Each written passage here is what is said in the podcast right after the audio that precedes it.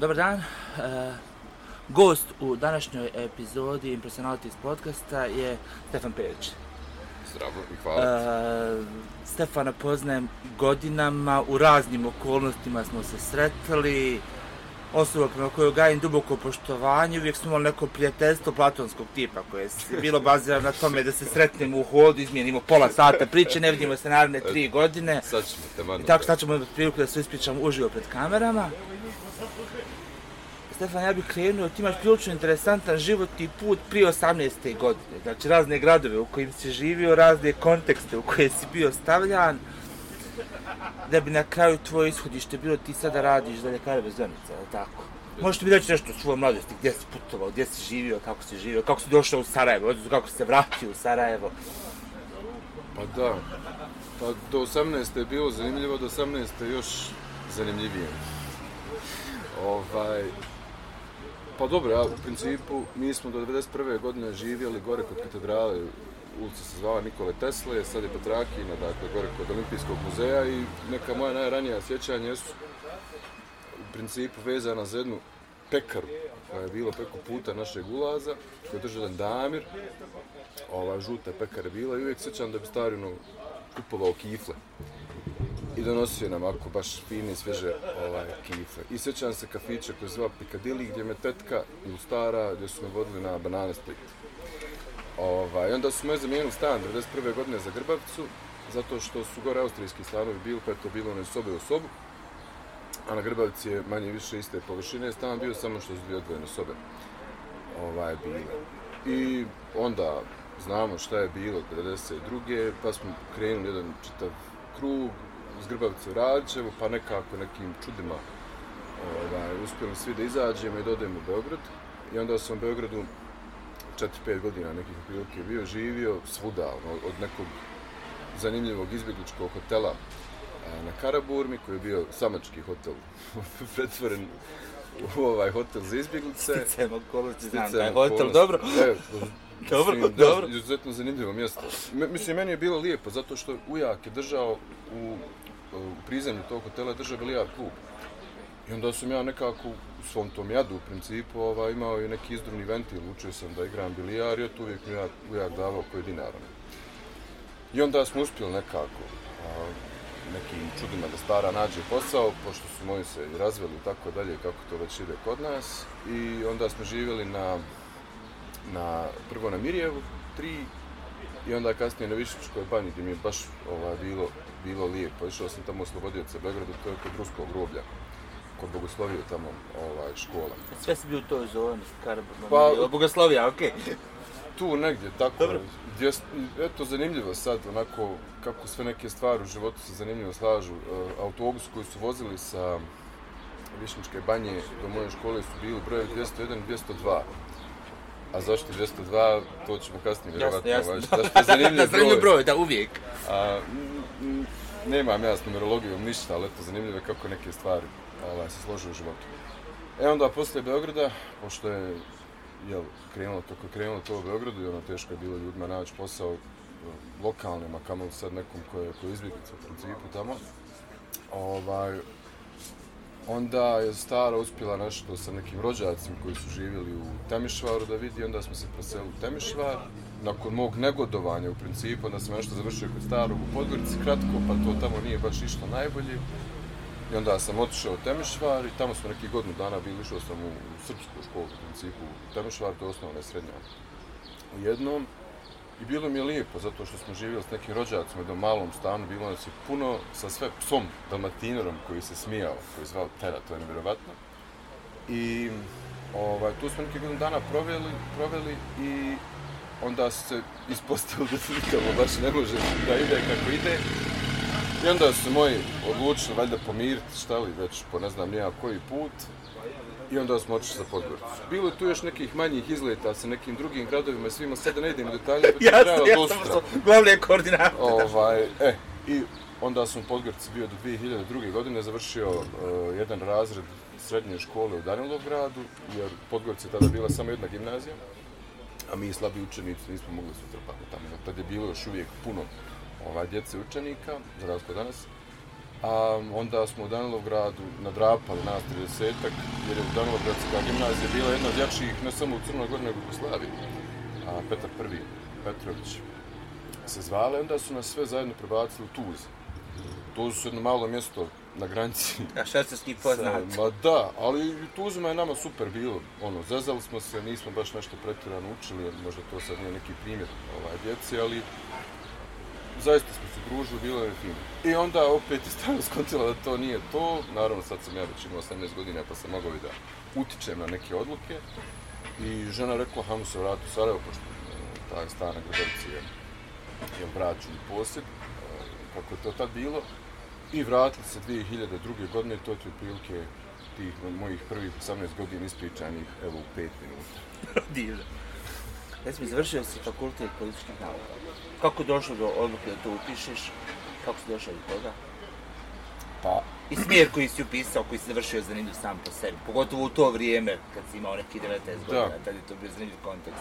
Pa nisam ja odmah završio, to je sad, to su porođajne muke što se tiče fakulteta, ali uh, ja sam sa nekih 16, tako nešto, 16-17 godina i volontirao u podgoričkim vijestima. Uh, tek se tada pojavile, ono, pandan pobjede da budu uh, podgoričkoj i onda sam radio tu neku podgoričku hroniku i tako dalje i tu sam eto vidio da imam nekog kao šlifa za to novinarstvo, pa smo da izdavali neke novine ispred ulaza, pisali na pisačoj mašini, pa to nešto kopirali, ne sjećam se više nije. I bilo je nekako logično da kad sam došao ovdje da, da to bude put, ali do toga je došlo u principu nekako spontano, zbog toga što kad sam se vratio ovdje vidio sam da su bili neki protesti protiv rata u, u, u Iraku, tada invazije zapravo, I onda sam sa srednjim prijateljima otišao na te proteste, onda smo šetili tu, onda su neki ljudi došli onako, počele se deru tu svašta i neka ekipa se pojavila koja je te ljude. A, I onda smo se zbližili s tom sad ekipom, to je, to je ekipa koja je tada radila u prigovoru savjesti, dakle to je bilo, na, ako nisi ti u vojsku, koja je tad bilo na redovno služenje vojnog roka. Ja sam tad radio u srednjoj školi, kad je bilo prvi put pred srednjom školom, Darko Brkan. Jeste, prigovor jeste, savjesti, jeste, prvi jeste, puta pa škole to je je to to. bilo. Samo što je tad Ovaj, ovdje kao opcija za prigovor savjesti nužno da radiš u mrtvačnici u bolnici i još neka druga, ovako ne, to su bila opcija ako nećeš u vojsku. A simbolično vidiš, Vrlo, ja, da, da, da. Ako, ako nećeš Ako u nisi vojsku, ovo, radiš jesi u mrtvačnici, da, da, da. a ako si vojnik, onda To šta? su bile nuđene opcije, dok je recimo Da. moj drug u Beogradu radio u Narodnom pozorištu, probao vojni rok u Narodnom pozorištu. A dobro, te godine ja razumijem, to, je- to je ipak... Post, neposredno post, da. Naravno i ljudi koji nisu vojsku se smatrali, pogotovo u našem mentalitetu i tradiciji, onako, da ne kažem sad riječ, da ne psujem. Ovaj, ali eto, kažemo da su, kako smo počeli da pričamo sa, sa ne znam, Darko, Sanjim, milion je tamo bilo ljudi, Boris tako dalje, Izo, Leo, um, kao šta radite, čim se bavite, vamo tamo, onda sam počeo nekako volontirati u toj kampanji i onda je jedan čovjek čiji otac umro, nažalost, ali, ali dosta je bio vezan za televiziju, za radio, e, Saša, došao i rekao kao, eto, ima neka audicija za 202-ku Sarajevsku, kao bil se ovaj, prijavio, ja sam rekao, što da ne, hajde vidim, da sam radio fono test test opšte informisanosti i nekako počeli su mi 2003. je to već 202 je počela da dobija te neke obrise. Bilo mi je sasvim logično dakle, da upišem jel, um, žurnalistiku. Međutim, tada žurnalistika u Sarajevu, taj fakultet izgledao kao, kao štala, jer unutra u holu se ono pušilo, tu je bilo milion ljudi, ja sam ušao u amfiteatar. Ovo, položio sam ja, tad je prijemni bio, četiri godine je trajalo, to je već, još uvijek bilo vrijeme ozbiljnih fakulteta. Um, izvinjavam Ne, se. nije, ne izvinjavaj se uopšte. Um, I ušao sam u amfiteatar i jedan stari profesor je nešto mumljao u principu dole, a nas je šest stotina bilo u amfiteatru, znači sjedilo se po stepencama po dvoje u klupi haos.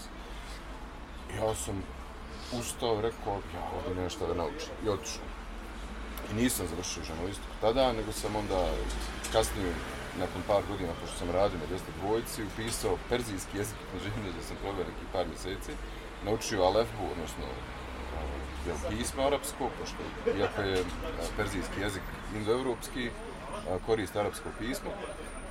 I to mi je super bilo, međutim nije se jezik mogao studirati vanredno, ja nisam mogao da, da ne radim ovaj, tih godina. I onda sam i to napustio i 2009. sam upisao te mirovne studije, što je nekad bilo odbrana i zaštita. Čisto nastavim poručnu tradiciju, jer su moji svi vojnici bili na s jedne s druge strane. I završio to 2017. godine. Dobro. Tako da ne, žurnalistiku nisam završio, nego upravo mirovne sigurnosne studije. Kasnije, eto sad, ovaj, pišem tu tezu iz međunarodnih odnosa i diplomatije, na neku temu iz Nigerije, sad to je druga priča. Doćemo do Da, da, doćemo. Doćemo do toga. U isto vrijeme bavio se muzikom.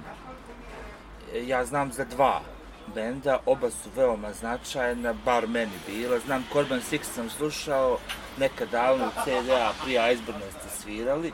Ja sam prišao nekom od vas, rekao, brate, vi ste bolji od Iceburna.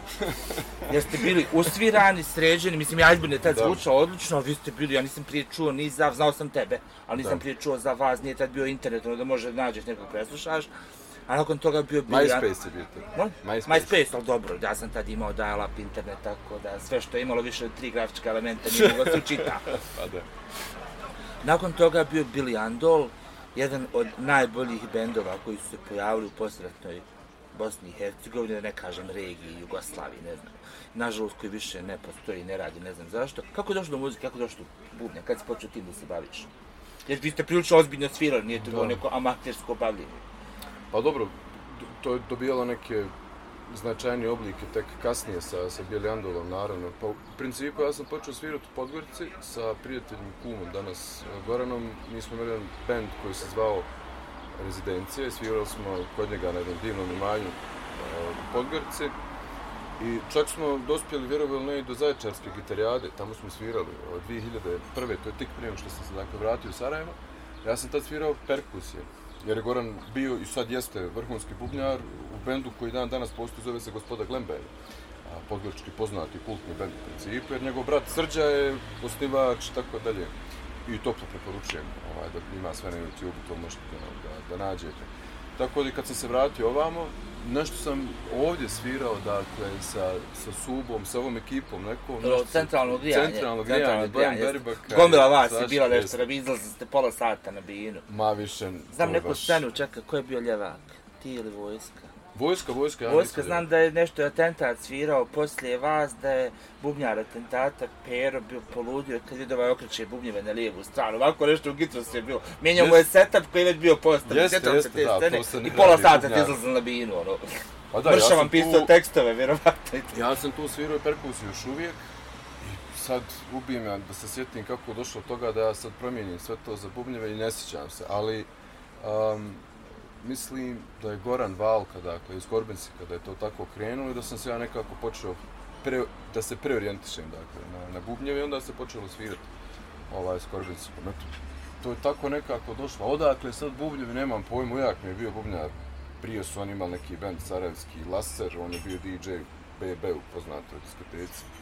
Ovaj, predratno je u Sarajevu, pa možda odatle ste mi ujak je meni bio, nije on umro, nažalost, ovaj, veliki uzor u tom muzičkom i svakom drugom ovaj, Da, ti si morao da skidaš, ti nisi imao internet kao današnji klinci, da gledaš tutorial i ponadaš. Ti si Pa, morao buban da. Pa da, mislim, to, pa dobro, prije sve nastajalo garažama, nekako je bilo iskrenije nego danas gdje ti sad sve imaš programirano, ali dobro, to je druga priča. Jeste, ja sam baš da objašnjavao nekom kako izgleda skidati pjesmu sa kasete sa linije. Mhm. Jer stare linije, ne znam koliko si upoznat, su pola stepena brže od tuna. Brže? Da. Znači, znam ti imaš regularni Dobro, kaset. BPM 120, ovamo je 130. Regularni kaset, to, a u interativnom smislu, znači ako je A-mol, tam ti zvuči B. Ti moraš da zategneš gitaru pola stepena da bi mogao da skidaš s linije. Zanimljivo, nisam Znaš, to recimo znao. linije su išle pola stepena, muz, muzički pola stepena brže nego kastofon normalno. One, one naše stare kockaste Da, linije, da. gramofon i to, prestikanerke. Baš sam neki objašnjavao nekom kako je zanimljivo skijeti pjesmu kad moraš da imaš razviješ osjećaj za premotavanje, znaš da razviješ osjećaj za, i da moraš da promijeniš tiju. Da. Odnosno, zategneš ti onda staviš kao podaste da mogu skidati normalnom tijunu i tako dalje. Tako, Zavisi kako ide, tako da današnja digitalna vremena su divna u tom smislu, ali nažalost ne proizvedi trajne muzičke Pa vrijednosti. nema, to je drugi duh vremena. Mislim, dobro, sad je to filozofija, da ne ulazimo u to, ali, ali muzika i svaka umjetnost u principu je samo manifestacija vremena. A, ona ne diktira vrijeme, nego vrijeme diktira umjetnost i muziku. Ovaj, mislim da se to je pokazalo kroz, kroz razne epohe. Pa da, ali u današnjem vremenu treba logoped, znaš, ako diktira. Znaš, ozbiljan logoped, jer zašto? Pa vrlo često to. Dobro, u svakom slučaju, Billy Andol. Ozbiljan pa. band, ozbiljna svirka, ozbiljni autorski tekstovi, ozbiljni aranžmani, ozbiljni albumi, nešto što sam zaista iskreno volio, ozbiljni spotovi, nešto sam volio da slušam i što mi je strašno žao što ne postoji. Znači, s jedne strane su čudna, divna, divlja muzika kao što je Skroz, Retu štuke negdje između, na pola puta, te ima i on svoje divlje di, momente i normalne konvencionalne pop rock momente, a vi ste bili lijepi, nešto kao Light EKV, Light Radiohead, uh, Duran Duran, tako, lijepa muzika. Da. Kako je došlo i kako je nestalo. Pa dobro što se Katarine Velike tiče, naravno, ta generacija, barem ljudi iz Billy Andola koji su tada svirali, jesu na neki način i odrasli na tome, pogotovo ja, 99. 2000. kad sam prvi put učeo za Katarinu Velku, pa ostalo istorija. A 2000. Bože dragi, ne sjećam se, ali spominjao sam ti, dakle, prije Billy Andola bio band koji se zvao Soba 403. I ja sam išao na koncert tog benda i stvarno su me, dobro, ne samo što su mi podsjećali na Katarinu Veliku, nego, nego prijeli su me energijom, pričom, filozofijom, tekstovima, dakle, svim tim. Ovaj, I tako da sam išao da ih, da ih dobar dan, a, da ih slušam. I onda se desilo nekako da se taj bend razišao, da su, da su svi otišli na, na svoju stranu. I tu se otvorio sad jedan prostor da mi nešto počnemo da radimo. I onda Vedo Trbunja, dakle, vokal i gitarista, je bio tu, Boris je kasnije došao, ovaj, Brkan, uh, Hara iz, iz Offside, iz poznatog punk benda Sarajevskog je svirao bas i Huli iz sobe koji je ostao, dakle, klavijatura dok je bio tu. I počelo su u principu, ono na moje stvarno veliko zadovoljstvo, jer, kako da kažem, to je da sviraš sa nekim koji ti je uzor na neki način muzički, sad si ti slušao neki band koji ti se sviđao i sad jednom sviraš u tom bendu. I onda smo lagano počeli, mislim, sa, sa svim tim pjesmama i Vedad je nevjerovatno kreativan čovjek u muzičkom i u tom a, smislu pisanja tekstova, tako da, eto, a ostalo, mislim, ne znam, sad, genezu da pravimo Billy Andola nema potrebe, ali... Naravno, jako mi je žao što toga više nema, pretpostavljam, životni putevi su vas odvali i porodice i organizacija da. i tako dalje, ali to bilo zaista, zaista dobra muzika. Pa jeste. Nešto čemu se vraćam i dan Jeste, danas. jeste, ja slušam, ovaj, slušam rado. Recimo, nekako... moramo mi je jedan minimalistički vrhunac, nemam pojma. Ono. Da. Pa ima tu par pjesama, ne znam, bili Sanja, meni lično najdraža. Dobro, sad iz epohe ne, sobe... Da, da, to ne, to ne, ne živi. E, nije, nije bilo sanja sa drugog albuma. Drugog albuma, da, okej, okay, okej, okay, jasno. Ima je spot onaj sa, sa trikama i to jeste ono kad se nešto mm -hmm. dešava, Galileo je sa tim crtišima, dobro, to je vjerojatno najveći hit, aj tako da kažeš. Ova na YouTube i broj pregleda i ljudi na koncertima i tako dalje su reagovali, no to je stvarno nešto super pjesmica, nije sporno. Jedno sa bubom, sa koje je već auto, je Indija se zove nešto, nije?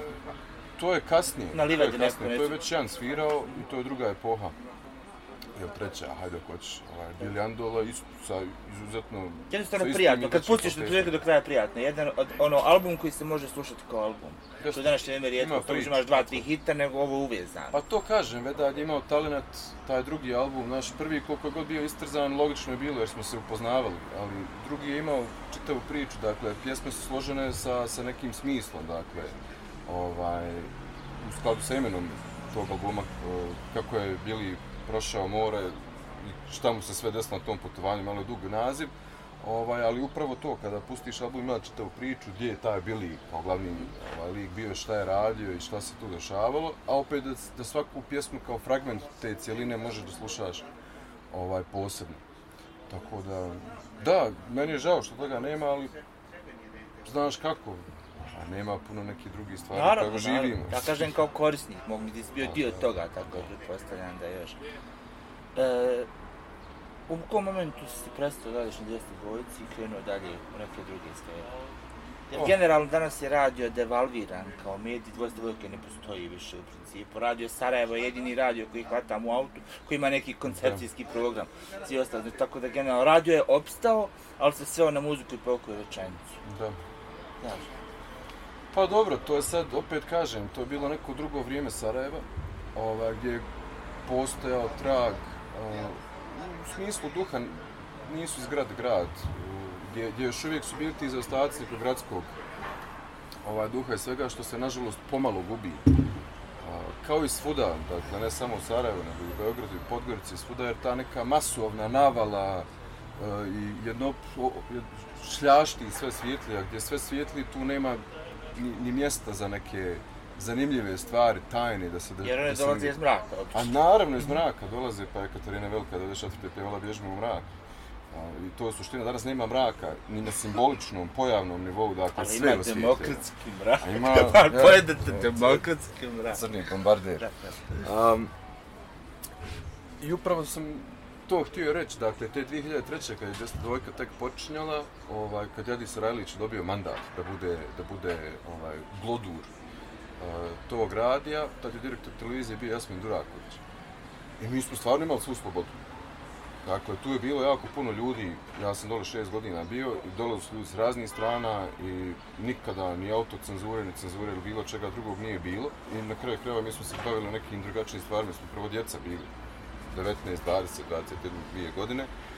Um, I ta emisija koja je išla, koja je danas potrebna kao, kao i tada, koja se zvala Danis Nova, koju sam radio 5 godina, gdje si ti u principu ljudi te, sve to uži, uživo program ide, ako se sjećaš, znači ljudi te zovu sa, ne, sa nekim komunalnim, ne znam ja, sitnim problemima koje, koje, kojim, kojim bodu oči, tako reći, tipa ne odvozi se smeće ili ne znam, a, pukla cijev, niko ne dolazi, stvari koje Voda ti vidiš. Jest. I onda sam ja zvao uživo u program sve te silne institucije ovaj, tamo i bilo je tu zaista ono, i nekih smiješnih, nekih tragičnih i nekih lijepih stvari, ali je prije svega bila na, na usluzi kao, kao servis neke pilke koji je povezivao građane i, i te lokalne institucije. I u stvaru se rješavalo. Dobro, kasnije je bilo, ljudi su mi slali neka pisma, neke dokumente, neke koverte, nešto. Mislim, ljudi, nisam ja... Koverte. Ma, ko, ko, koverte s problemima, Jasno, jasno, jasno, jasno. Ovaj, I dobro, mislim, znaš kako, uh, čovjek se zasjeti naprosto uh, toga svega, meni je bilo fino tamo, dakle, imali smo super ekipu i sve, ja sam im dobar ugovor imao. I onda kad sam dao otkaz 2009. Svi su bili fazonisti lud, pa ovo, pa ono, znači, mogu više, da promijenim, da vidim nešto novo u životu, neće sad 50 godina ostati ovaj, na jednom mjestu. Ja nisam taj tip, ima ljudi koji jesu.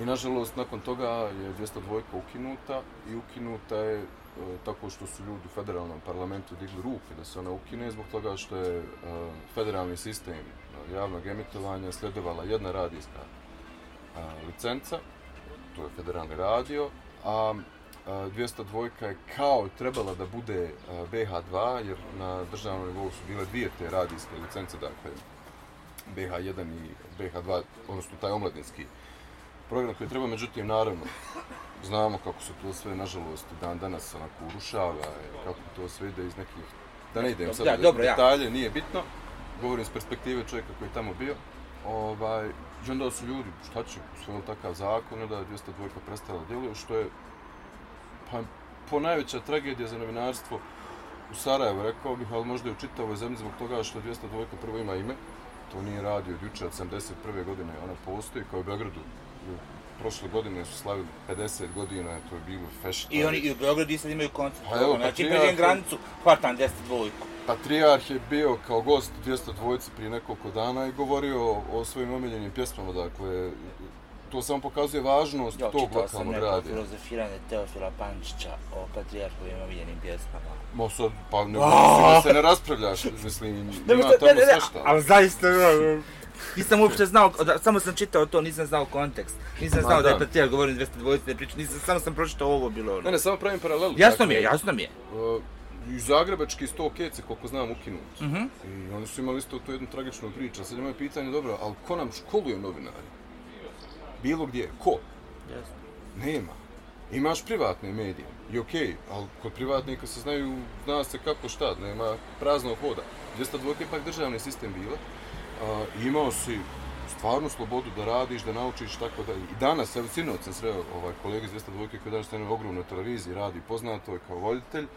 I onda smo raspravljali, spomenuli smo neki 30, 40 imena, gdje je ko? I sad kad čovjek sve pogleda gdje su svi ti ljudi koji su na jednom mjestu bili ovaj, u jedno određeno vrijeme, onda shvatiš koja je to vrijednost Da. takvog radja. I medijska sila. Tako je. Medijska sila koja Tako mogu je. da djeluje. I onda sam otišao s 202 i sad, što se karijere tiče, ono, mislim, to je 2009, evo kao 2022, znači 13 godina, ne, stvarno sam svuda bio freelancao sam nekih par godina, ovaj, radio u dolu ministarstvu obrazovanja, nekih godinu dana, dakle bio sam u tu, eto, dijelom državnoj službi, tako reći, e, i shvatio da su to neke stvari koje zaista, e, to je jedan ogroman inertan sistem koji Trut. Pa, upravo tako, teške stvari mijenjati. Tu je nebitno. Kasnije sam onda ušao te neke međunarodne vode, pa radio u Vijeću Evrope, pa onda radio, pa volontirao dole po Lesbosu s izbjeglicama, pola godine je bio po, po izbjegličkoj ruti, onda se vratio u CRS ovdje u Sarajevu, onda radio u izbjegličkom kampu u Blažuju i onda za ljekare bez granica. Sad to onako kompresovano Jasno, sve. jasno, jasno, jasno. Ali eto, to je neki moj put nakon 202 gdje sam naučio da radim, gdje sam upoznao jako puno super ljudi i gdje me, gdje me šef ovaj, naučio nekom redu i disciplini i, i svem ostalom što treba čovjek od 18-19 godina da zna. Znači, sa nekog novinarstva prešao si na direktni rad sa ljudima iz prve ruke. Kako su tvoje iskustva u radu sa izbjeglicama, izbjegličkim kampovima? Jesu to tužne priče, nezgodne priče, priče koje se ne prezentuju javnosti onako kako bi trebalo? Znaš kako, a, prvo da neki mit razbijemo. Dakle,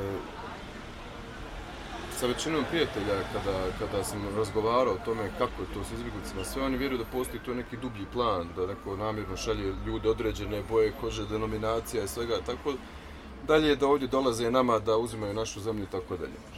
Ovaj, I okej, ne vrijedi se sad raspravljati u, u vremenu, vremenu ovaj, post istine sa ljudima, dakle, da li je nešto činjenica ili nije, ne dam se uopšte objašnjavati, ali kažem ovako. I žele se da, kao dolaze mladi, gdje su porodice. I sad ja ovako pitam ljude, dobro, a, ti sad imaš ti ljudi koji dolaze sa dalekog istoka ili iz, iz e, Afrike ili Srednje Azije, imaju mnogobrojne porodice. Neće ti sad potrpat osam ljudi u čamac i doći. Ovaj... Nego ideš prvi rizikuješ, kopaš teren, pa Naravno, dolaziš i ostale, da? jeftinije je i logičnije je da ljudi dolaze, dakle, samci, mladi, um, muškarci koji, koji imaju snagu ovaj, da, da izdrže taj put, jer to nije bezazlen put. On iz Pakistana, Afganistana, Indije, um, nije bit Čada, čak sam sreo čovjeka iz Čada, iz Kameruna, ne znam nije odakle, više dođu u Tursku. I onda se iz Turske prebacuju čamcima ili čim već idu ovaj, prema, prema Balkanu, prema ovom dijelu Balkana i hodaju. Razumiješ? To su mjeseci ho- hoda, bukvalno. I kako ti sad dočekuješ da, da porodice ili djece, bilo je porodica s djecom, a, postoji ovaj kamp Puševak koji je bio isključivo za porodice s djecom, dok je Blažuj gdje sam ja radio, a, kamp za muškarce, samce. A, I to je zanimljivo iskustvo, a potpuno drugačiji koncept, tako reći. Dakle, kad sam volontirao na toj ruti, pa gore od Bapske, Spačve, Opatovca, Vrbanjaca, um, Berkasova, dakle gore granice između Srbije i Hrvatske, pa skroz onda dole gdje smo bili do Preševa, ne znam, Tabanovce, Makedonija, Srbija granica, dole do Idomenija, granica Makedonije i Albanije, ova uh, Grčka, do Lesbosa. I onda sam bio i na, i na, i na Lesbosu na kraju, gdje su ljudi dolazili iz Izmira, dakle iz Turske su prelazili čamcima a, na Lesbos, to je neki deseta kilometara prilike ovaj, plovidbe i tu su izlazili iz čamaca i skrcavali se na Lesbos i onda su zavisi sad bio tamo jedan kamp u kojem su uslovi bili onako poprilično loši. Dan, izgorio nedavno, Morija se, Morija se zvao. I svašta je tu bilo, sad da ne idem u detalje, zaista. Pored tog kampa i u tom kampu i to je bio jedan mali kamp gdje smo mi bili smješteni za volontere, ovaj, gdje je Pikpa se zvao a, gdje su, gdje su ljudi mogli dobiti odjeću, obuću, hranu, ne znam, sve što mi je bilo potrebno da mogu da idu dalje, jer njima nije e, bio cilj da ostanu u Grčkoj, nego su htjeli u Njemačku, Francusku, Italiju, gdje već ko htio da radi. I sad, to je hands-on neka, varijanta gdje si ti čupo ljude sa, sa čamaca, dijelio pomoć, ne znam, a, mi smo imali kombi neki, to dakle potpuno volonterski, mi smo fundraising radili preko, naš četvore je bilo preko, preko Fejsa, u skupu smo neke ogromne hiljade sad ovaj, eura, onda kupiš, ne znam, banane, deke, mlijeko, šta već treba, ideš, gledaš gdje je gomila ljudi o kome šta treba i dijeliš, Jasno. bukvalno. Fizički, face to face. Ma da, i nema tu nekih sad, ne znam, nija, projekata ili kako, kako je to ovaj, sve bilo, ali to ono što je upečatljivo, pošto ti čamci obično kreću do, ono, dolaziti između 7 i 7 popodne i 2, 3 ujutru, uh, jednom je čamac došao uh, i žena jedna stara ovaj, izašla s tog čamca Sirika i dala nam poklon, nešto zapakovano. Ja ja sad, pa čovječe, znači, pazi, ti prvo da dođeš iz Sirije do Izmira, tad je rat bio, to je 2016. godina, E, februar. E, prvo da dođeš iz Sirije do Izmira i onda u Izmiru, dakle, da nađeš krijumčara, jel, da te strpa u čamac i da ne znaš hoćeš li doći do obale Lesbosa jer su im davali manje goriva, svašta je tu bilo. I ti izađeš i nekim ljudima koji te tu čeka, ti daš poklon. Dakle, koji je to mentalni sklop? Ja se tu zjanio.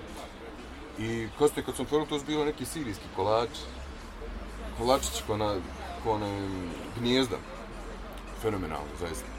I eto, to je, to je neki moj, e, to je neko moje iskustvo, tako reći, terensko sa, sa izbjeglicama. Ložo druga priča, mislim, nije još prošlo dvije godine, pa ne mogu pričati o, o detaljima koje su, ovaj, koje sam tamo a, vidio i šta se desilo, ali mogu reći da većina ogromna mojih kolega zaista bila super, a, da su ljudi koji su, koji su a, bili smješteni u Blažu imali stvarno dobre uslove, sad se možda neko neće s tim složiti, ali mislim dva kuhana obroka, jedan suhi obrok su, su bili svaki dan, ljudi su imali toalete, imali smještaj kakav takav, mislim to nije hotel Hilton, a s druge strane tim ljudima je bilo jasno da su oni tu privremeno. Oni samo hoće ovaj, dalje da idu. I eto neko moje promišljanje o svemu tome, dakle, što se tiče da li su to tužne ili sretne ili kakve već priče, mislim da su to prvo ljudske priče, drugo mislim da su ti ljudi koji dolaze iz zemalja Magreba, e, Saharske, subsaharske Afrike, Srednje Azije, pa čak i, i, i a, dalekog istoka i bliskog istoka naravno, a, da su puno jači od nas, puno jači, puno spremni, imaju puno veću vjeru, a, da znaju šta hoće, da znaju šta neće i da zato i dolaze ovdje. Mi, kao dio zapadne civilizacije ovdje, da se ne zavaravamo tim nekim ideološkim premisama, odrednicama i tako dalje, mi smo dio zapadnog svijeta. A, mi imamo sve, apsolutno sve, ali imamo problem u glavi i ne možemo to sve da realizujemo. Dakle, imamo sve to, kako je rekao drugi, ono, imamo sve, a stvaramo ništa. I ti ljudi stvaraju, jaki su i logično je da će u jednom trenutku istorije, ako sve ukupno nekako gledaš na stvari, da dođu tamo gdje fali ljudi, jer ovdje generalno fali ljudi, mi izumiremo i to svi znaju. I ne samo Balkan, čitava Evropa izumire, sad kad pogledaš, eto mogu ljudi istraživati, fertilitet, zna se šta je. Dva kom jedan djece treba po majici, da nacija opstane. Nigdje u zapadnom svijetu, koji računam i Rusiju, Okeaniju, Sjevernu Ameriku, čitavu Evropu, niko nema dva kom jedan. Ni nordijske zemlje, ni zemlje Beneluxa, ni Kanada, niko nema to. 1,6 je najviše što ima. I to su zemlje uh, gore nordijske. Ovaj, kod nas je 1.4, 1.5. A top 20 zemalja u svijetu, samo jedna nije Afrička, to je Afganistan. Uh, najmnogoljud, najviše fertiliteta u principu, ne najmnogoljudnija, je, mislim da je Niger ili Čad, dakle to su saharske zemlje koje su ultra siromašne, oni imaju šest. Šest. Šest. Ovaj. I sad će ljudi reći, pa joj, to, oni su primitivni pa se razmnožavaju, tako, takvi se komentara, čovjek kaže, ne, ne, vakcine su učinile svoje, a, pa su prije ljudi ražili 12 djece zato što su imali svijest o tome da će preživjeti troje. Jer dođe polio, dođe žuta groznica, dođe Mhm. malarija, dođe ne znam nija glad na kraju krajeva i ne prežive. Međutim, danas, a, evo, prije, prije godinu dana u Nigeriji je konačno iskorijenjen polio. Ono što kod nas se desilo prije 100 godina, kod njih se danas desilo, upravo zahvaljujući tim velikim naporima vakcina i tako masovnih kampanjama vakcinacije. I to je to. I sad, dakle, oni rađu isti broj djece, djeca preživljavaju i to se Naravno. širi. Prema tome, kažem, oni su živi, bujni, rade, hoće da rade i po meni treba ovdje da dođu, to je neka viša pravda po meni zbog toga što ovdje ima puno više resursa nego što mi možemo da koristimo. Ako me neko Što kaže, zanima. "O ne, ali jesmo, ko nam je kriv? Ko nam je kriv? Niko nam nije kriv što smo mi, to znaš, malo kladionica, malo ovo, malo ono. Niko tebi, brate, nije kriv. I malu veliku šovu. Ma, pa mislim, ja.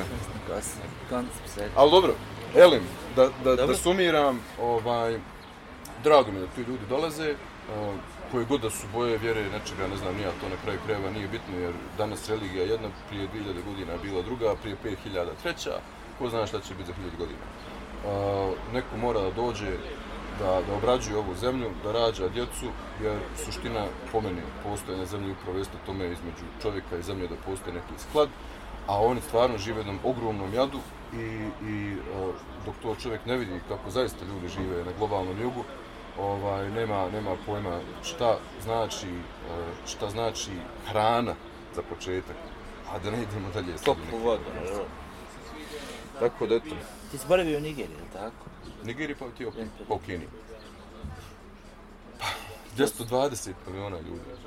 220 miliona ljudi, 300 naroda, 230 jezika.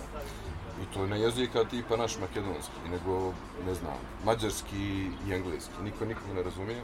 To je sad taj, taj neki pozitivni, ajde ako se može reći, aspekt ovoga kolonijalizma je to da ako ništa mogu da se sporazumiju na engleskom. To su stvarno drugačiji narodi. Sad, moj kolega prvi Abdulkarim je e, Kanuri, na ta neka dva ožiljka, ovaj drugi je Hausa, onaj treći je nešto nije bitno. I oni tu funkcionišu onako poprilično skladno. Međutim, Nigerija je duga priča, teško je ljudima objasniti šta je to. A, jug Nigerije je hrišćanski, uglavnom na sjeveru, gore prema, prema Sahari, to, to je Sahel, ta regija se zove najgladnija regija na svijetu. Tu su uglavnom a, a, muslimani i bilo je tu kroz istoriju Nigerije zaista dosta sukoba i na vjerskoj i tako dalje ostaje. Međutim, kada si u narodu tamo i kad si s tim ljudima, kako vidiš, kad vidiš da, da žive jako jednostavno, ne lažno, ovaj, ne licemirno kao nekim drugim zemljama tamo gdje, gdje se navodno propagira neka vjera, ovamo se ono, pije viski i, i neke prostitutke podvode, ovamo stvarno nije tako, tamo stvarno ljudi ne piju, u stvari ljudi ne puše. Ljudi imaju po dvije, tri žene, imaju devetoro, desetoro, jedanestoro djece, Bog zna koliko, ali ja što sam vidio, a upoznao sam lokalnih ljudi, nema lice. Nema gladi, jer tamo sezona, e, e sezona bez kiše traje 7 mjeseci, pa je vruća sezona još 2, 3 i onda imaš 2 mjeseca kiše. I sad kad je ta sezona a, gladi, lean season, ovaj, to je neki septembar i oktobar prilike, tu bude zaista onako uh, potresno, jer e, uh, uh, MSF, odnosno Lekari bez granica, imali smo uh, tu jednu bolnicu koja je imala kapacitet nekih 220 kreveta otprilike koja se bavila isključivo neuhranjenošću. I uh, u Majduguri, u gradu kojem sam ja bio, koji ima nekada 3 miliona ljudi otprilike, nema zgrada, javnog prevoza i svjetla nema ništa. Uh, mi smo recimo pokrivali kvart ili to područje koje pokriva nekih do 200.000 ljudi rekao. I e sad kad je, pošto sam ja baš bio tamo kad je ta sezona gladi bila, onda si imao dnevno između 400 i 700 prijema neuhranjene djece. 400 do 700 dnevno. To, je, to su nezamislive a, brojke nama. I sad ima Moab tape, to je, to je jedna traka koja se stavi djecu oko ruke, to su možda ljudi vidjeli ona, oko, oko filmova, imaš zelenu, žutu, naranđastu, crvenu, zelena živio, žuta, a, to je ambulantno ali liječenje, dobiju plampinat, to je jedna a, pasta otprilike, proteinska na bazi badema i tako još nekih ovaj, stvari koja za dvije sedmice djetetu potpuno vraća a, težinu. I naranđasta, crvena sad zavisi, zavisi od, od stepena neuhranjenosti, ali uglavnom se ostaje u bolnicu. Crvena je već 50-50 recimo i onda vidiš tamo djecu koja, koja to nisam zaista vidio. Znamo za, za, za one stomačiće kad se napušu zbog um, gasova, međutim ja sam prvi put vidio e, takvo stanje neuhranjenosti da, da se dje, djeci izlučitila koža ovdje na podlakicama, e, pod pazuhom i tako dalje i prvi put sam upoznao što znači distres jer sam vidio jednu malu, kako je ovaj, kolege stavljaju u branilu, da je mogu dati infuziju, vidim, malo je, možda tri godine. I ona gleda u to i ništa. I govorim ja, rekao, vidi što je mala hrabra, ne plače. Kaže, nije ona hrabra, druže, ona je kao prevelikom stresu, više je, e, to je toliki nivo, hajde tako da kažeš, stresa da više dijete ne može da reaguje. Da. Pa je rekao, dobro, ovaj, pa eto, i onda sam išao po terenima, tamo helikopterom, nema gdje, gdje se nije išlo i zaista moja firma je, ono, moram nahvaliti, mislim, radi tamo, pa stvarno su ljudi e, nevjerovatno predani i njihov motiv za 99,9% ljudi tamo jeste zaista prije svega humanitarni. Da se preživi. Znači, da se preživi, da se, pomogne. Eto, mislim, na tih nekih mali, mali mjesta, ti pulka, 70.000 ljudi, gdje jedina bolnica bila. MSF ovdje je hirurg, kolega, Mag, ova kolegica Magda za Argentini. Ovaj, Persela, ona tamo bude, ne znam, šest sedmica, pa se vrati pet dana, ovaj Duguri odmori, pa do drugi grad šest sedmica. Ovaj, I to su stvari koje su dostupne na internetu, to se zove Flying Surgeon. I evo samo da se stavi odnose kad kažem zašto je tim ljudima motiv i šta je motiv da rade, dakle njene plata uh, uh, oko 2000 eura. Ona je non stop na terenu, ona operiše dnevno 12-13 sati. Sve je plata nižih programera. Plata... Je plata nižih programera. Pa eto. U razvijenim zemljama. Tako. I upravo je to za, zašto, zašto volim MSF. Dakle, prva stvar koju rade prvi godinu dana imaš svima istu platu. Godinu dana to su ovim demeti 1200 eura prilike, to za, za prvi godinu dana za sve. Ovaj, jer hoće da odbiju ljude koji hoće da zarade novac na račun humanitarne kao pomoći i svega toga. I onda kasnije se to nešto blago povećava. Za naše uslove to su velike pare, ja ne sporim. Ali za, za, za zapad, dakle, dolaze ljekari, svi ostali, to je kikiriki. U kom momentu neću reći, otupiš. Pretpostavljam da ti imaš i djecu, emotivan si, znam te. U kom momentu prestaneš da se šokiraš?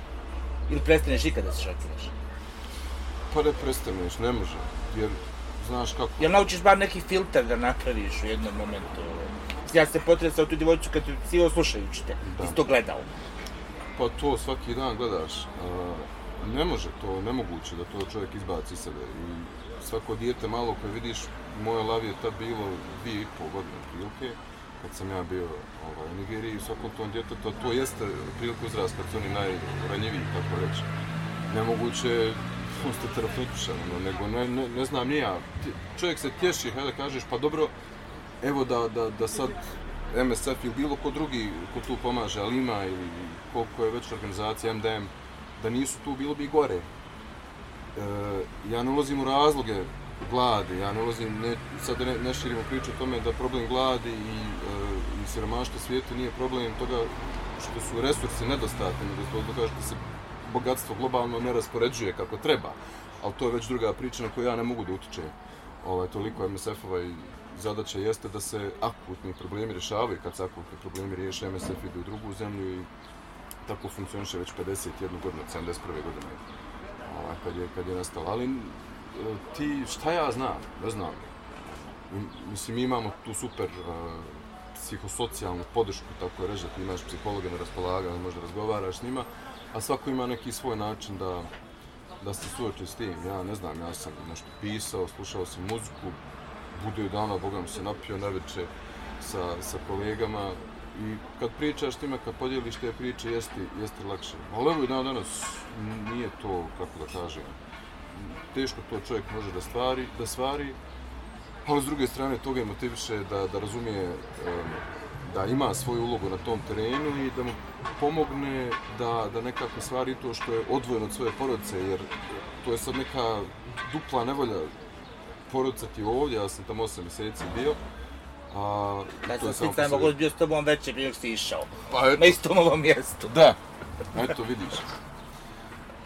I neka, a onda još dole kad si, hajde odvojeno da još to vidiš, pa to su baš onako jadni čovjeka s popadnom, ali kako da kažem, čaša meda ište čašu žuči. Ja, Crnogorac je progovorio konačno, evo, držao se dugo. Sve to ima smisla. Od Crnogorac je progovorio. A dobro, da, sve to, sve to ima svoj smisao barem, barem ga ja vidim, neko ne vidi, neko vidi, prijatelj su govorili da se nenormalno, neki, neki da se normalan, neki ovako, neki onako, ali bitno je šta čovjek sa sobom. Meni je to puno, mnogo respekta bilo.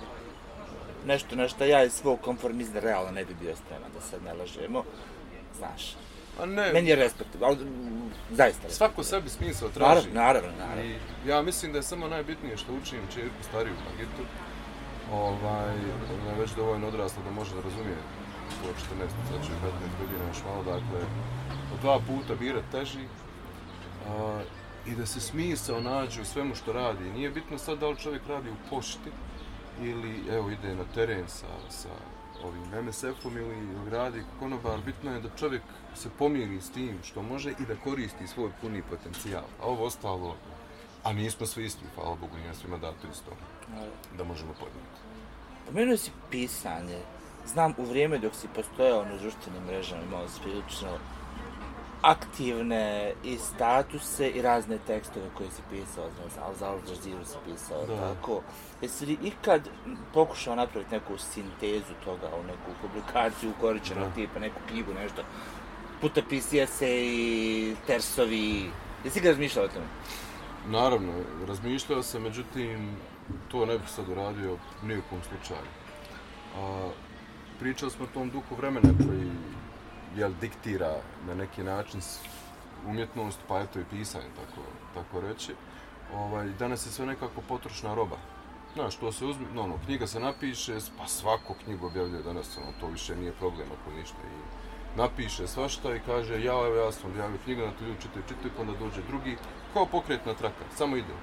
U tom vremenu, o, kakofonije, jedne opšte buke, ja mislim da je najbolje da se čovjek utišava i da sačeka da, da to čitavo ludilo prođe, pa da onda eventualno za 5, 10, 20 godina, neće ni ovo sve vječno trajati, kada se stvari malo stišaju i kada ljudi budu tražili na neki način opet da se vrate u neke normalnije postavke, da onda čovjek može da podijeli neka svoja iskustva, dakle, ne moja razmišljanja, nego iskustva ovaj, iz terena, iz, iz života, za koja bi mogao da smatra da mogu biti zanimljivo nekom da se.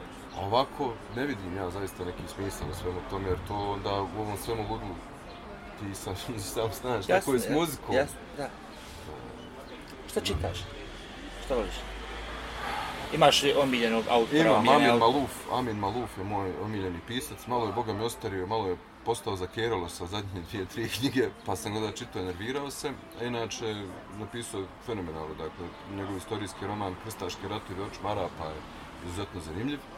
E, može pružiti perspektivu Arapa na to kako, kako su posmatrali zapadne vitezove, templare i tako dalje, koji dolaze do slobode ovaj, i Hristov grob, a i te zemlje od, od, od ljudi, a suština je u tome što je Amin Maluf um, Arapin, ali je Maronit, dakle hrišćanin.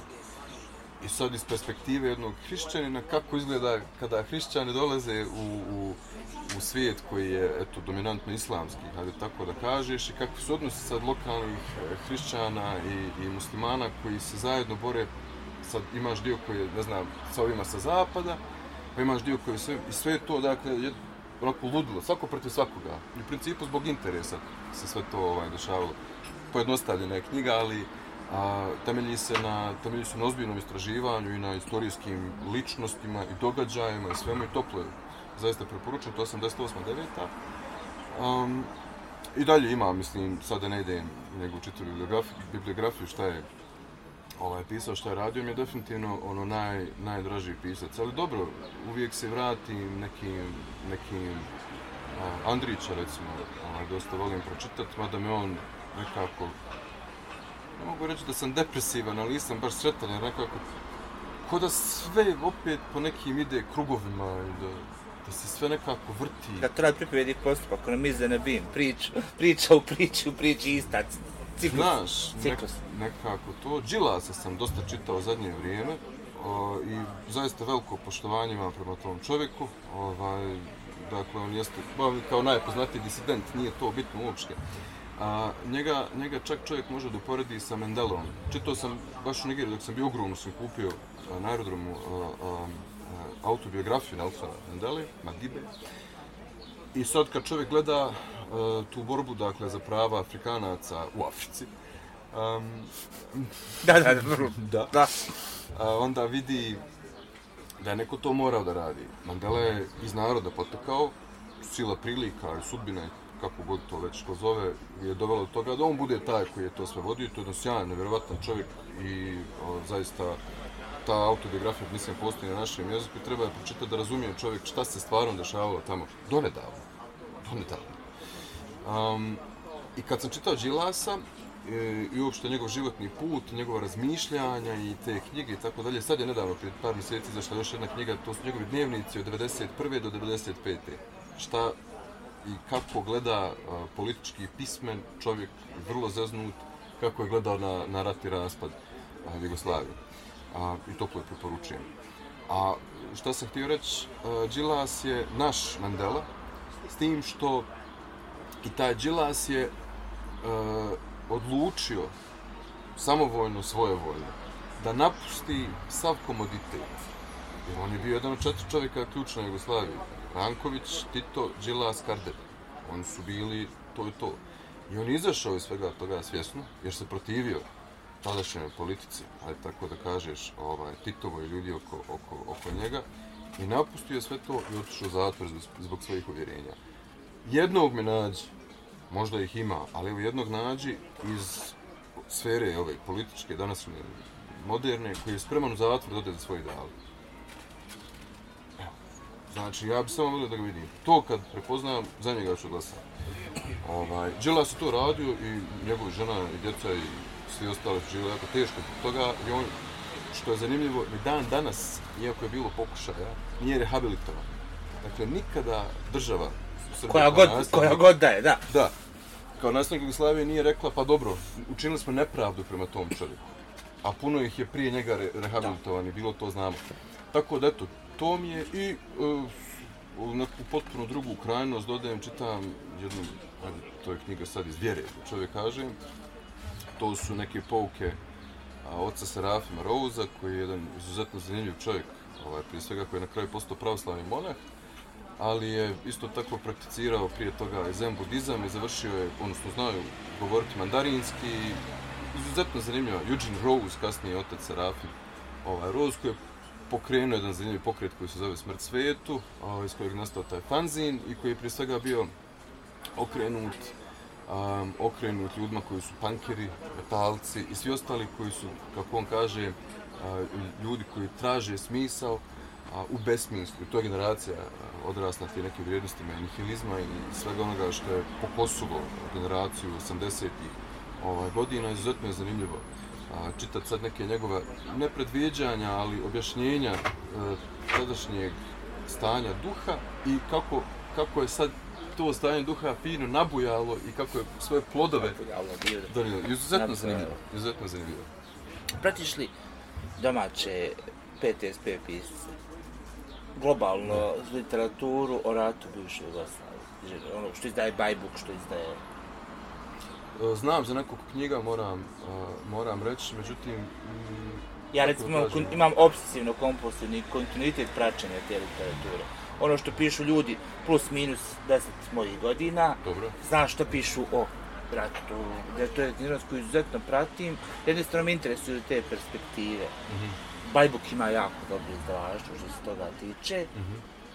I uh, imao sam sreće da mi je Kristina Đugarica Ljevak, koja je bila i gost u jednom od podcasta, tako da mi uvijek mi mogla uputiti na odgovarajući naslov. Dobro. I nekako to stekne čovjek širu sliku, ne znam, je to zadnji roman koji sam pročitao tog tipa zove se ovako Mulat Albino Komarat, pisao ga je neki Stevo iz Bosanskog broda. Znači, perspektiva kako je izgledao rat u Bosanskom brodu, dečko prije moje godište. Kad je bio u logoru, znači u maju mjesecu. Mm -hmm. Znaš, tako da ti ne pratiš tu knjigu, pretpostavljam. Ne. Jesi dovoljno mlađi da te to ne interesuje. Recimo. Nije da me ne interesuje. Ne, da te ne interesuje, ali ne, ne, ne identifikuješ se to lik. Uh, u CRS-u dok sam radio, da. dakle, radio sam na projektu koji je to kao izgradnja mira i, i to, koliko god sad to profano zvučalo, ovaj, ljudima iz, iz te perspektive gdje je danas sve to tako metok, fall, nešto oni nas, znaš, sam da ne ide sad detalje, imao sam uh, sreću da, da radim i sa žrtvama rata, ljudima koji su bili u logorima ili koji su, ne znam, na bilo koji način patili tih godina i nije mi bila potrebna knjiga jer sam saslušao 15-20 svjedoče, ličnih svjedočenja, iz čega je ne, ne, nastala izložba lična, ako se pratio mm -hmm. Velije Hasanbegovića, dakle to je, to je ta priča. Um, I onda čovjek, znaš, kad, kad sve to sabere zajedno, ja više ne mogu biti ni ljut, ni, ni, Ništa, ni ne znam, Jasno, jasno. ja samo mogu reći za sve to zajedno, je to jedna velika tuga. Ili ovo psovka na sve-. Ma, to je tuga jedna. Sve je to tuga. Ja drugačije ne mogu dopišem ovaj, sve to što se dešavalo. Znaš kako, ja sam u toj književnosti koji čitam našao književne vrijednosti. Ono, posle rata su bile knjige iz kojih ispade organi. Kako je ko koga tuko, kako je ko koga zastavljao. Posle toga se pojavile knjige koje su dobre, koje su, mislim, u literarnom smislu, koji je recimo roman, kad sam bio hođa. Genijalno. Ofičan, čuo Da, sam. genijalno, genijalno. Roman uh, Izvedeni iz kičmi, roman Smrtova djeca, ovaj roman Mulat Albino Komare. Nije važno koja strana je pisala, važno je samo, od tih strana koje su da. postojale, 92. 25. Da. Važno je način na koji je, ka, na koji je pisano i upravo to što si ti rekao, iz svake od tih knjiga izbija, nemoj ba ovo više ikada radi. Da. Znaš, nemoj, nemoj, neću ovo. Naravno. I to su neke priče koje su dobre i koje su nekako karakterišu našu književnost. Ne, Dobro, ali naši su ljudi vide, autentični. Jeste. Ono što ovdje govorimo ovdje, ovdje se žele i ovo vidi onako, onako. Ali ljudi su ovdje uspjeli da očuvaju, zar, ne mogu sad reći, zapad je širok pojam, ali još uvijek ima ljudi koji imaju šta reći šta ispričati, autentični su i naravno da iz takvog čovjeka može da izađe nešto, nešto je zanimljivo i za pročitati tako dalje, ali to je prije svega e, zbog toga što, a nisam ja izuzetak, mi svi, pogotovo moja generacija tvoja, imamo to iskustvo neposredno izbjeglište rata i svega. To su velike traume, ali velika iskustva. I to čovjeka nekako preklopi, uklopi i sad, eto sve, bilo koga, slučajno prolaznika, e, daj brate, sedi da, mi ispriča život. A imao bi šta da ispriča. Naravno, mi, glavno pitanje moje generacije nije bilo kako si nego gdje živiš. Ono, ne, to gdje živiš ti. Bukvalno, kad smo se upoznavali na fakultetu, na prvu godinu gdje živiš, gdje si sad. U jednom momentu moj tata imao jedne tablice, tablice jedne opštine, lično u druge, šta ja znam, saobraćajnu treće, lupam sad, nije ni važno, ili izbjegličku letimatu treće. Da, da. Što jednostavno tako vrijeme je bilo. Ali ima tu ozbiljnih dijela, ima tu ozbiljnih knjiga i mislim da će neko ko bude uzeo tim ozbiljnije da se bavi na ni, izvan nivoa nacionalnih okvira, izvan nivoa šta je ko kome uradio, naći mnogo dobrih područja za istraživanje za rad. Neće imat ko. Zviješ što te prepi, pre, prekidam. A ne, ali evo vidi, uh, na Univerzitetu u Istočnom Sarajevu je li jedno? Jeste. Ili nijedno upisalo ovaj, srpski jezik i književnost u Sarajevu? Uh, ja ne znam koliko je, mislim da mogu stati na prste jedne ruke da su otišli na bosansko-hrvatski srpski jezik i književnost u Banja Luci, ne znam da li ih je troje. Ali to je problem što niko ne pravi sistem gdje bi se ti ljudi, za govorim iz te sam struke, taj fakultet sam završio, iz engleski sam završio, ali generalno doktorirao sam i jezik i književnost. Da. Oba puta, dva Da. puta. Ovaj, e, niko tim ljudima ne nudi ništa osim učionice. Niko nije bio dovoljno testisast da uzme, napravi institut za proučavanje jezika i književnosti, zaposli 20 mladih ljudi i kaže, e, djeco, aj sad proučavamo ovo. Što vidimo šta je bilo Da. s jezikom zadnjih 30 godina, šta je bilo sa knjigama. Da. Obično su to projekti, konferencije, nečiji doktorati, gdje se niko usudio da napravi sistem u kome ćeš da zaposliš nekog mimo učionice. Tako da svi ti koji nisu upisali, nisu upisali jer se manje više zna da u svakoj lokalnoj zajednici ti sad imaš aktivne, srednje ili mlade, sred, srednje ljude, srednje generacije ili mlade generacije koji rade kao nasljednici srpskog, hrvatskog ili bosanskog, koji neće uskoro u penziju. Ti nemaš ništa drugo šta da radiš. Ja sam pratio to na palama, recimo sad su političke nauke su in, Da. neka kombinacija koju su lijepo napravili Aj žurnalisti. ti. Uvijek radim na ETF, moje primarno snimanje ETF, eto mi su pisali 59 ljudi recimo ove godine. Jer to profit, ovo neće niko, nije, nije ponuđeno. Nije, nije sistem obezbijedio ništa drugo osim ovoga. Mislim da je to globalno tako. Imaš, jer je nekako, Da. ajde, član sam akademske zajednice univerziteta, ne, govorim, nije to, ne govorim protiv kolega, reću samo da je činjenica da se to proučavanje jezika, književnosti posmatra kao privilegija ili obaveza akademske zajednice. A to bi trebalo bude dostupno svima i da bude nešto Naravno. čime se bave svi. Naravno, svi, svi govorimo. Da, sigurno. A s druge strane ti imaš e, SMS kulturu koja je poslije postala Viber kultura, Twitter gdje djeca ne koriste interfunkciju, ne čitaju, imaš regularne knjige koje su interpretacije književnih dijela, koje su regularna literatura, koje izdaju zavodi ovlašteni za izdavanje Mhm. školske literature, toko ti više nemaš ni kulturu čitanja. Ne neguješ ti kulturu čitanja, tako da e, logično je da neko neće da nastavi da se igra s tim. Kad ubiješ lektirom u osnovnoj i srednjoj školi, uslovno kažem ubiješ, jer većina ljudi to posmatra, mladih ljudi posmatra to kao teret, da neće dalje u tom pravcu, ide ka nečem profiteru. Budi ti meni sine, hirurg, budi ti meni Djeca ekonomista. prepisuju bre lektiru sa interneta, znači Sa bilo nađu, čega. nađu tamo neki sažetak i oni to malo drndb Ne znam koliko si pratio, ti u Srbiji recimo, ne znam kod nas kako ide, nisam dugo bio u zavodu, da rovim baš po knjižari. U Srbiji imaš regularno knjige koje se zovu interpretacije 1, 2, 3, 4, gdje imaš tumačenja svih dijela koja se obrađuju u školskoj lektiri za određeni razred srednje škole. Regularno knjiga koju izdaje Zavod za udžbenik nastava sredstva. Koja One su, kao pomoć, one su kao pomoćno sredstvo. Znaš, ali nemaš ti Ali više... to onda vraća na zdravstvo, jeste čitali Anu Kretnju? Šta čitu? Pa ja, Jeste. Ovaj, ne, ali vidi, nije... Ali isto pazi, tako je problem što ste to nije ažurirao, što recimo lektira, ti si Ništa mlađe nije mene šest problem, godina. roditelji su problem, ja sam problem. Evo, uh, ja dijete tjeram da čita. Ja tjeram da čita.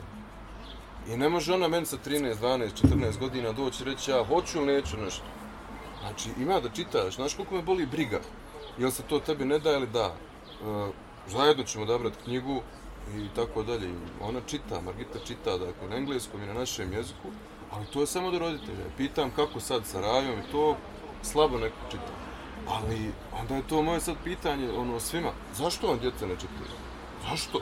Da, li jedan kolega u akademskoj zajednici koji je doktor nauka, koji javno kažu ja nikad ne čitam ništa. Kralji, kako ste pisao doktorat? Znaš, morao ste imati bibliografiju, literaturu. Znaš, ljude koji ne, nemaju kontinuitet, mislim, nemoguće u današnje vrijeme imati neko sveopšte poznavanje književnosti, jer ima toliko fenomenalnih lokalnih književnosti da je to iz... Ali moraš naći neki put. Ama sve što preživi test vremena je dobro. Naravno, naravno. A test vremena preživi nekad, nekad, puno pisano. da, ali nekad ti prija i glupi thriller, ba, koji s dobrim zaplatom. Naravno, ja ja sam neki dan čitao knjigu, bio sam na OK Festu i ponio sam odavde Kindle da završim, Srđan Veljarević Komo. 200 i nešto predivnih strana o ničemu. Pisac iz Srbije koji je 98. dobio Rockefellerovu stipendiju da bude u nekoj vili u Italiji i piše. Savršenih 200 i nešto strana koje čitaš ovako. Sve očekuješ, pošto je to naša balkanska knjiga, očekuješ neki twist u nekom momentu da će on Da. napravi neki problem. Ali- Da ćeš da... Ne, ništa, 200 je nešto strano, ništa. Šeta, upoznaje ljude, Pa, pije vino. Znaš, knjiga koja te smiri, odmori. Da, ali ne, Ali folo što recimo ti, mlađi se od mene šest godina, ja i današnji klinci, 80% lektire ba isto, nije niko ažurirao ništa. da. Od dobro, djeca neki koja temelj mora da postoji. Mora temelj- Sad može da se prati duh vremena. Da, ali i ufatiš se još stvari- nešto. Ja znam koji je meni šok Slažem bio se. čitati kao su tikve. U, ono, u sklopu lektire za treći ili četvrti srednje. Ne mogu naš pojaviti se jedan roman o boksteru i alijašu pisan jezikom koji ti je pristupačan. Ili recimo došljaci koji se tretiraju kao prvi srpski građanski roman. Jedna lijepa ljubavna priča iz Beograda. Da.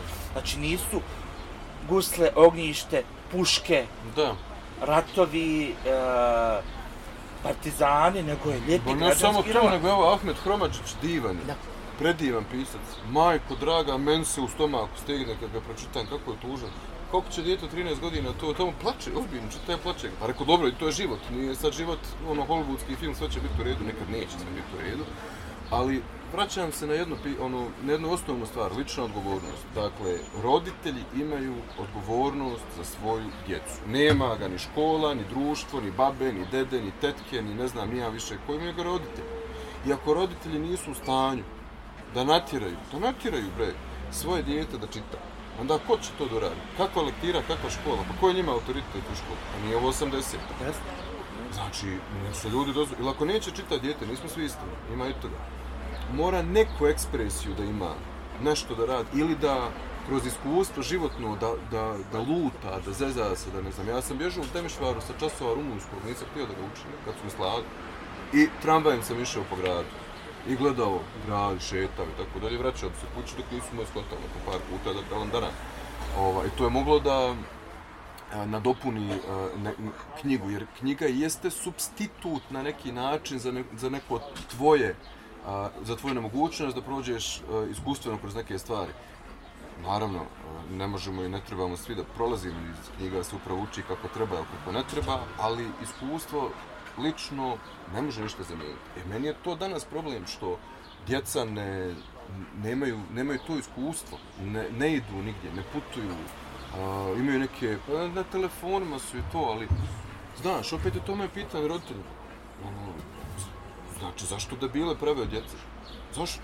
To u skladu s tim ti se dobro život u prirodi, ti živiš iznad Sarajeva na padna Crvevića, ali tako u Stanovića. Ma, da, u Stanovića živi, da. mislim, i ne bi se vratio, ja sam odrastao tu, na asfaltu, ne bi se vratio u stan nikad, znači nikad, stvarno. Zato što imaš mogućnost da uzgojiš svoju hranu i ne treba tu, pa nije to da se dereš ti dnevno sad 8 sati da radiš. Imamo plastenik, paradajz, krastavac, papriku, pamiju, bob, ne znam, tamo buk, sve, sve što treba, to raste iznad kuće, to se malo zalije, malo počupa, i živio, kupili smo kokoške, ti imamo sad par poka, daju par jaja dnevno, ono što je nama dovoljno, ništa tu nema posla. Malo očistiš, eto, suprug očisti, ja ih nahranim, odnesem, donesem. Ja sam nije dvijeko fruzoša, znam, živio sam 16 godina. Pa eto, znaš i sam, nije sad, nije ovo 13. vijek pa da ljudi treba ono, volove. Sve imaš, sve imaš. Ali komoditet, vraćamo se na to, konformizam i mi opet se vraćamo na sami početak priče. Ko da mi čini? Niko. Sami smo sebi sve na mjestu. Ne možemo mi 30 godina pričati o nepravdama ovim. Bio rat. Bio rat. Znači, rat je dan danas u Nigeriji, u Sahelu, čitavom je rat non stop. A nema tamo toga, ljudi su naspijeni. To je prvo što ja ljudima govorim Africi. A, Evropljani, zapadnjaci imaju sve. Pa su na Xanaxu, na ne znam ja čemu, barbituratu, na nekakvim drogama, čemu već. Ljudi u Africi nemaju ništa. Ali su naspjeli. Naspjeli. I nije to kao Noble Savage, jao, baš su divni, ono, plemena. Nego su stvarno ljudi, ono, jednostavni, a, otvoreni, da se ispriča živ čovječe sa, sa tim. Nije nešto mrzovoljno, nešto, nemoj me dirat, ja sam nervozan. Šta si nervozan? Šta je? Šta hoćeš? Jesi kada vraćaš se rodi? Na, jednu, dvije, ali nisam... Ima, ima moment kad jedan likova, Aki, koji je inače dobročudni, prostodušni, veliki lik glumi ga Ljuba Bandović. Dobro. Ovaj opisuje razliku između cura iz sela i cura iz grada. Kad kaže kao, ja sam, ja sam ovim, ja da ne znam šta bi, parafraziram naravno. Da. Kao, a ovo, ja sam neko znao na stolu za počet priču. Jesu vam dobri pilići. Ja rodio krompir, znao sam se postaviti, znao da, da, sam sa. Ova kaže šta radi, ili kuliram ili pizdim. Sad ću ja s njom pričat. E to, kuliram i pizdim su generalna stanja, ono, pusti me na miru. To što kažeš tablete, današnji svijet. Stres današnji svijet, nemoj pusti me, tu, tužan sam. A zašto? Ja mislim da je to samo ludo potrošeno vrijeme. Pa i ja mislim, i meni se to dešavalo, naravno, sam neka dosada čovjek uhvati naravno, to sve, ali, ali ja sam mora se borit. Ja sam neki jedan treći dan kiši bio na, na rubu, potpunje depris, na sekunde je to kiša, ja sam me to opatio. Ja, to što da tog znam, bi je lakše. Da. Ono što me ubija, ne mogu, da, mogu da se krećem. Meni kiševi znači da mogu da se krećem koliko ja hoću, a u gradu u kome imaš ajde se ne 65 sunčanih dana godišnje. Ako se baš vrijeme potrudi, malo je crnja kad se navuku oblac treći dan jula. Znači malo te uhvati tuga, koliko god da ti je vruće. Prethodno bilo. Tako da mi je to bilo leglo kao kamen, ali dočitio sam to, to nećemo biti tužni, nema da sljedeći dan u bolnicu. Ma mi da ljubimo zemlju, to je anegdota iz Adi Sabere, s jednim s kolegom koji je 25 godina radi za MSF. I nešto smo mi sad tuc muc, ovaj, ko gdje šta, kako, odakle, objašnjava, pa onda smo se tu zaprili da budem ovaj, iskren. I on je svojim rukama napravio kazan za rakiju, I sad oni prave rakiju od ovih žitarica, koliko viski, ne, tako da kažeš, ja njemu govorim, mi pravimo od jabuka, kruške, šta je, kaže, kruška, pa pokazujem, jabuke imaju, ali su izuzetno skupe mm -hmm. tamo, kila je 4-5 eura, što ti je kod nas kao kad bi bilo 30 maraka. Da, da sve skrat, sve cijene skaču jabuke, svijek, marka, marka pa, i zato što svako je 9 staba, ali imam ja jabuke. Ali, ali možeš naći vrhunske jabuke, uvijek možeš naći, svako doba godine možeš naći vrhunske Kod njih nema, oni imaju mango, papaju, ne znam, ananas. Ja se izvijem što rekli da sada OK Fest nosi 2 kg jabuka sa sobom. Kome god ponudiš jabuku. Da, da postoji čovjek ko odbija jabuku. U našoj kulturi, da postoji. Ako vidiš dobru jabuku na šušuri, nešto god da si jeo, znaš, jabuka je jabuka slažem se. I uglavnom, objašnjam sad njemu, ne znam, dunje, šljive, sve mu pokazujem to voće sad, ovaj, kako izgleda i pokažem gdje živim, par fotografija imam, kum je radio ovaj, dronom, čovjek mi je to telefon. Kako se dobija viza za Bosnu? stvar je percepcije, jer mi kad izgubimo nešto znamo šta smo imali. To je vječito prokletstvo u svijetu. Zato kad, kad se ljudi žele oko vremena ovdje kažem da, ali ima mjesto gdje je deset mjeseci sunce. To je ludilo. I onda puhne taj vjetar, harmatan se zove, on, on iz Sahare pjesak donosi u Sahel i ti ne vidiš ništa, to je ko neka izbaglica. Prilike, to je sve pjesak. Košliješ, bole te oči, ruke, noge, katastrofa, razumiješ, ono, baš je užasno. Tako da kad sam došao ovdje na, na odmor, ja, princip MSF je tri mjeseca teren, deset dana odmor, pa opet da se vraćaš, došao ovdje u decembru za novu godinu. Snijeg, ljepota, poljubi zemlju, zeleno, fino, da kasnije u proljeće ima vode, ima zemlje, to neuporedivo. I ako nekom smeta ova kiša, eno, brate, u Sahil da ode dole, pa nek živi. jasno, jasno, jasno. Ne, meni je kliša uvijek značila da ne mogu napadati. Kao ste, recimo, ja samo to poredim sa Pomenuo ste ga Bojan Berbaka, e, naš dragi prijatelj, glumac koji je bio u Mostaru, sad je već u Dubrovniku. Da, da. Kad je recimo nakon godina u Mostaru, ne znam, dva, tri dana gostovao s nekim svojim pozorištem za koje je tad radio u Zenici, kao došao sam iz grada koji ima 250 dana godišnji, došao sam u Zenicu, znaš, u kojoj nikad nije vazduh, kao klosta, e, Kotlina. E to, e, meni se u Sarajevu očekilo se nebo. Ove godine nije bilo ni puno magle i sad imao sam mjesec dana bakrane vrućine i onda mi se navuklo. Za tri dana imam feeling novembra. Da. Znaš, to mi je bilo baš scary moment. Jer kod nas to neka, ovdje noć pada grubo, taj stih je jako dobar, jako univerzalan i primjenjiv na sve. Slažem, se, slažem. se. Koju muziku pratiš, recimo? Nakon što si izašao sam iz svijeta muzike. Pa, Afriku. I to mali. I sad da nabrajam imena, ne ide, a dobro mogu par, recimo Habib Kojte, fenomenalno. To je malo popsi onako, ali meni prija harmonijom, ali Farka Touré, on je legenda zaista, ove malijske afričke muzike, to je ono što mi zovemo bluzom, ali to je korijen bluza u principu i znaš kako, ima sad, ne znam, Rokija Traore, a ima njih, dosta Salif Keita, da ne ide sve detalje, ali ono što sam, što sam nekako vremenom počeo da razumijevam kod muzike je ovako, a, Ali Farka Touré ima glas i gitaru. Eventualno ima prateće na koncertima, ali na albumima uglavnom glas i gitara. Puno je teže napraviti izraz, pjesmu, kada imaš samo glas i gitaru, nego kada imaš orkestar iza band, sebe. bilo šta. Tako a držat pažnju, još je to jezik koji ja ne razumijem, ne znam, na kanuri, na kojem već na Wolofu, ne, nije ni bitno na kojem ovaj, a, pjeva. I meni to godi u ovom trenutku, dakle, ta vrsta harmonije i ta vrsta iskrenosti i spontanosti koja stanuje ovaj, u Africi, zahvaljujući opet životnom iskustvu tih ljudi, a autentično iskustvo, uvijek donosi i neku muziku koja nije bitno ako ne razumiješ tekst, ali neku emociju koju Ono, prenosi... feel- feeling. Ma, čitav, čitavu atmosferu na kraju krajeva. Mislim, pa tako je sa Skrozom, razumiješ? E, životne iskustva članova Skroza su e, e, prebačena u tekst i u muziku, zato ja volim slušati Skroz. Ovaj, tako da, eto, u Africi sam... Ja sam dugo više volio to. štuke, dok nisam... Jednom sam slušao skroz, ono je bio neki Čebevi Čeko Fest, onda Da, sam se malo je, da. duž... Ne, ne, ne, ne, ovo nedavno je bilo na Žičari, Da. prije, neko, prije nekoliko, to je organizovala sad federacija, prije nekoliko godina se organizovala Srbi. Sa ove strane, znači na Brusu. Isto je se zvalo nešto Čebevi Čeko Može Fest. iduće otprilike- godine zajedno se gađamo, ja, ajmo. Otprilike isti izvođači su bili, Elemental, Skroz, on su doveli bili Delarno Band.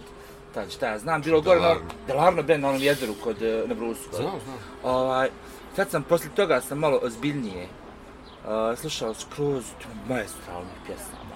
I oni su, Da. Da Dino, gledao, sam- nisam gledao ovaj film još uvijek, ali Dino je, gledao sam neki trailer, Dino kaže, Adnan kao komponio neka pjesma na dvije žice sam. Znaš, kao njemu to, kao njegov izraz je nevjerovatan. I to stvarno ima. I oni su koncertni, ja mislim, jedan najspremnijih bendova, ostao njih pozoveš, oni dođu. Jeste, jeste, jeste. Svi se oni bave nečim, nije, Da, nije i to to, i to nije muzika za svakoga, ali dobra. Pa Ja volim, Ja znam kažem, kome sam puštao skroz, da je bio pravi, i to ne hitove. Slušao sam stan, nego ne znam, Magarac. I ona nevidljiv, što je meni Da, da, da. jedno od najboljih pjesama ikad napisano. Meni je prvi njihov album 98. ja mislim, ili 2000. tako. Nešto, nije bitno. Taj album sam kupio piratski na autopijaci, ali poslije legu mi nakon 10 godina. Pa dobro, zato što je iskustvo Da, čovjek. da, da, da, da, ali recimo onaj, eh, kojeg nema na Spotify, recimo da je drugi ili treći, on mi je ono kompletan. Gdje su Magarac, gdje... Da, da, to je treći, treći. A, I da recimo pjesma Afgan- Afganistan. A dobro, da. Pa, pa to je iskustvo. Genijalni, genijalni, Iskustvo, tako je. genijalni. Ali osim eto te Afrike, skroz smo se uhvatili, A, mislim i dan danas naravno Pink Floyd i Katarina Velika, to su, to su neki bendovi koji, koji su meni muzički temelj, hajde tako da kažeš, u životu. I ne samo muzički, nego i odgojni temelj u životu, jer tekstovi e, Katarine Velike, pogotovo ovi kasniji radovi, tako da kažem. Ono što je zanimljivo kod Milana da je bio pozitivniji, šta god to danas znači u ovom vremenu, ali su mu tekstovi bili svjetliji, što je vrijeme bilo gore. Znači, kad uzmeš 94. i uh, ovaj, taj album neko nas posmatra i čitavu priču s tog albuma, ona je puno svjetlija, puno jača, s puno više dubine, nego, ne znam, Dum Dum ili 89. Pa da, ono, baš, o, užas, depresija. Ja Dum Dum nisam dugo mogao da prihvatim. Bio mi puno Mračan svijetao. Ne, meni je bio svijetao, recimo. Muzički mi je bio svijetao. Bo- Svjetao. Ne, ne, ne, ne, ne atmosferom, ne tekstovima, bio mi je puno... Ne, ne mogu drugi izraz. Je Svijetao, da. ne u smislu muda, nego svijetao jednostavno. Da.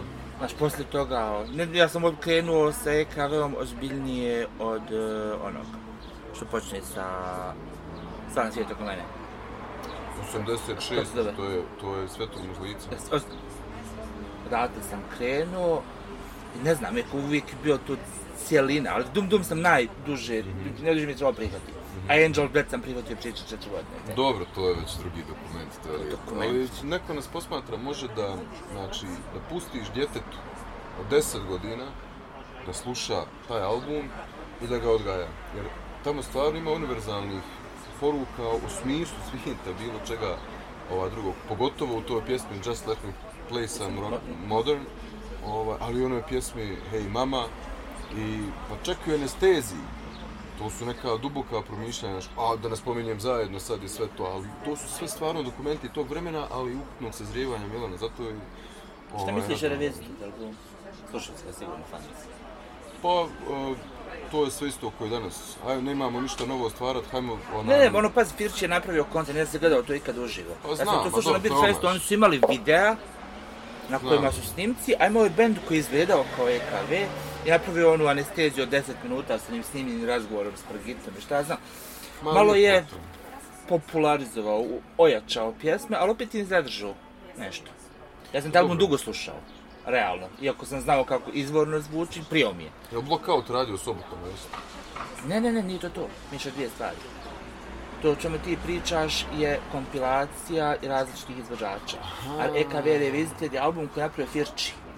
Jeste, sa originalnim, Sa originalnim, uzeo uzeo je trekove da, i da. dodao ih na buđu i znaš, to je meni bilo nešto. A ono drugo je, kako se zvalo, ne znam ni ja sad, jeste EKV radio sobu. U ladnoj sobi, nema vrata, mi to, mi to ore, negdje iz pozadnje. Sad recimo, evo, pa kad meni čuo OK Fest, jer sam fasciniran količinom izvođača, bili su jako, jako dobre svirke, vidiš da muzika postoji, da.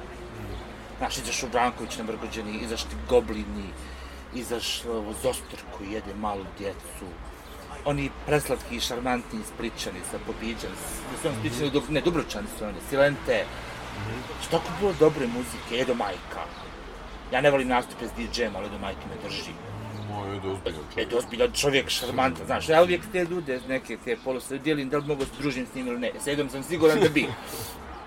Znaš, da su, vidiš da ima te muzike, bako. E, da, i od modernih, Da. e, dakle, eto, Afrika, ovam ovaj stari rock and roll, Dame Ravdić, Dobro. diplomac Graha, kako ga već ko zove, mislim da on, e, opet, to je teška, teška konstatacija, ali na ličnom nivou je da je najbolji naš pjesnik, jugoslovenski, postratni. A, mislim da su njegovi tekstovi žestoki, e, nekad na granici zaista prihvatljivosti, ali s druge strane mi je potpuno jasno na šta cilja, kome se obraća i zašto se ovaj, tako obraća. Njegov scenski nastup i način na koji interpretira svoje pjesme su ovaj, prvo je originalan zaista, za, ne samo za naše, nego za sve prostore. Ja nisam vidio takve nastupe ovaj, nigdje. A drugo, mislim da je upravo u današnjem vremenu učmalosti, žabokrečine, ustajalosti, ubuđanosti potrebno da dođe neko i da sa, sa, sa, razumiješ, ne samo tekstom, nego i muzikom i pojavom počne da razbija to. Pa makar kod ljudi koji pokušavaju da izađu, a neko sad ako hoće živi žabokrečine, šta što mu bacimo hljeba, Da, nek jede. naravno. Tako da on je zaista, ne znam koliko si ga... Jesam, jesam, jesam, jesam. Ukazano mi je na njega pa sam ga slušao. Imaš želju nekad ponovo da se vratiš svirat? Imao sam, naravno. Imao sam i razgovora sa, sa dva člana benda. I niste tome- nešto konziliju, vjerojatno. Pa nismo, moj trenutni način života ne dozvoljava nekakav kontinuitet u tom smislu. Mislim, sad će to biti neko vrijeme možda. Ovdje zbog sile prilika, to kako čekamo treće dijete, pa onda ne mogu nikog drugo, naravno. Ovaj, a poslije toga vidjet ćemo, ali znaš kako imam finu šupu o, pored kuće. Imaš instrumenti dalje? Ne, ma, ma Da, danas, pa mislim, kupiš polovan buben za par stoja, nije to više tragedija. Samo moram malo zvučno da izolujem i onda bi definitivno, pošto, pošto u selu gdje ja živim ima jako puno, ako nisu već i većina ljudi iz grada koji su otišli a, gore da žive, opet po, po Ekaterini Velikoj, mislim da bi baš simboličan potez bio to da sad rock and roll partizanski iz šume treba da osvaja gradove. je tvoj gore kraj neodoljivo šarmanta, to mi je biciklistička ruta. Da, što idem Tilava, pa crkva od Tilave, pa se spustim, pa ima onaj gore dio, ti moram da uzguram jedno kilometar Znam, bicikl, znam. izlazim otprilike u tvoju zonu negdje. Da, Otprilike onim strmim putem. ima gore puno Ima. staza. E, hvala puno. Hvala tebi. Zaista zadovoljstvo. I meni.